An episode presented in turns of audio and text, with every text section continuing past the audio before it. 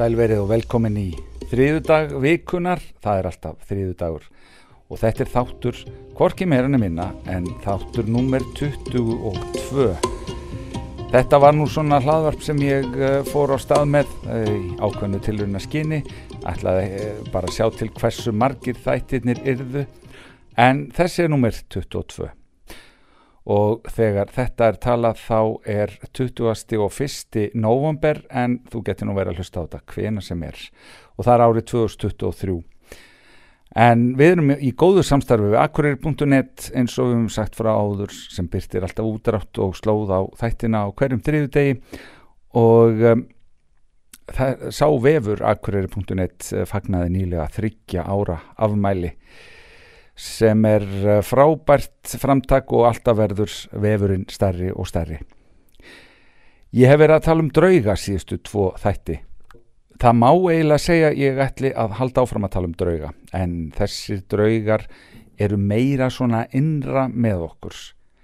Ég hef talað um allt milli heimins og jarðar og eftir svona marga þætti þá er ég nú kannski farin að narta í eitthvað svipáði að talað um í einhverjum öðrum þættinum en það finnst mér rosalega gaman að stúdera uh, lífið og tilveruna sjálfið okkar og stundum ákveðið orku flæði það, því að við erum svo rosalega misjöfn þar þó svo að við sjáum þetta í svona ýmsum myndum sem er alveg eðlilegt.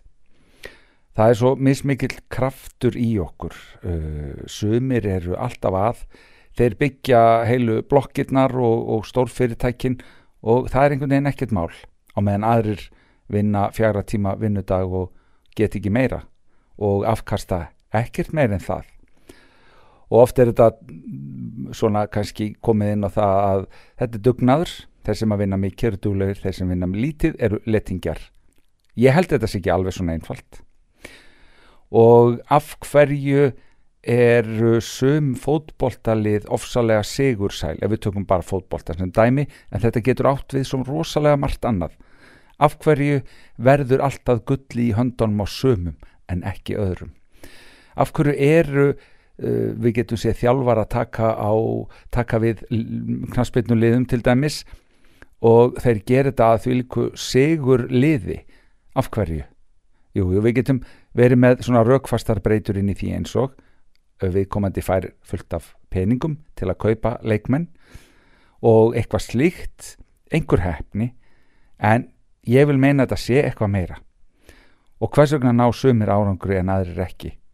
Jú, svari geti verið vegna þess að sumir taka auka æfinguna eða auka álægið eða auka tíman til að reyna meira á sig, ég skil það. En getur líka verið að þetta sé eitthvað svona sem við höfum svolítið með okkur. Uh, ekki bara hefn og vinnusemi heldur erum við með já þetta er einhver mismunandi orka, nálgun, það er mismunandi sannfæringakraftur í okkur. Það er og það vilja allir vera þarna. Við höfum mjög marga og hvað það núna í algoritmanum sem vilja selja okkur betri leið að lífinu. Velgengni, fræð og frama vera besta útgáðan og allt það og það er eitthvað sem er allstarrekt að nálgast. Og alls ekkert skrítið að við viljum það. Við viljum fá, við viljum gera vel fá þokkalega mikið og umvefja okkur í haminginni svo er þetta að taka ráðum annara eins og ég nefndi núna ekkert fyrir mörgum þáttum síðan að hlusta á hvað aðrir er að segja. Það hlýtur að tala smikilvægt kannski hafa þeir einslu sem að við höfum ekki annað sjónarhótt en stundum er eitthvað uh, sem að þú átt kannski að halda fyrir þig. Ég hef heyrt sagt að þú eigir ekki að segja neinum frá hugmyndum þínum allavega í sumum tilfellum. Það er dæmisaga sem að ég vitna stundum um vitna stundum í en þetta er um froska sem að voru að fara upp í fjall. Og þetta fjall var nánast ókleift og þeir reyndu að fara upp fjallið og öllum mistókst að komast upp. Í kringum uh, froskana voru aðelar sem að kölluðu, þetta er ekki hægt, þið náðu þessu aldrei, þið náðu aldrei í mark, er, þetta er óklift fjall, af hverju ert að þessu, þú getur þetta ekki, þú næði aldrei upp á topp. Og einn af öðrum lögðu froskarnir upp laupana og hættu. Nema einn. Það var einn af þessum froskum sem að komst alla leið upp á topp og gekk bara nokkuð vel að ná toppnum. Og svo þegar var farið að kanna af hverju, hvað var til þess að þessi froskur náðu upp á topp, þá var það vegna þess að hann var hirnalus. Ég veit að þið hljótið að hafa oft heirt þessa sögu, mörg hver mistakosti. Það er eiginlega bóðskapurinn ekki láta úrtölu rattir draga úr þér kjarkin, hlustaðu á þína innri rött því að hún veit best hvað þú getur. Það er líka oft talað um uh, það sem að uh, var nú hérna, hvað eru 20 ár síðan að það tröll reyð öllu það þú áttir að síkreta alla hluti. Þú ert að sjá fyrir þér og trúa. Þú sér fyrir þér nýja húsi sem þú ætlar að vera komið með eftir tvö ár og, og uh, uh, hvað sem það er inn í staðin á bankabókinniðinni. En auðvita þýðir ekkert að lappa svo bara út í banka því þú varst búin að sjá það fyrir. Þá ætlar bara að taka út 2 miljónar sem þú varst búin að sjá fyrir þér eða 10. Þetta virkar vísu ekki, alls ekki þannig en ég held að getur nú ekki drefið okkur að vera svolítið jákvæð. Því að það eru þessar evasemda rattir minnstakosti svo ég bara tali algjörlega fyrir sjálfa mig sem maður heyrir mjög oft.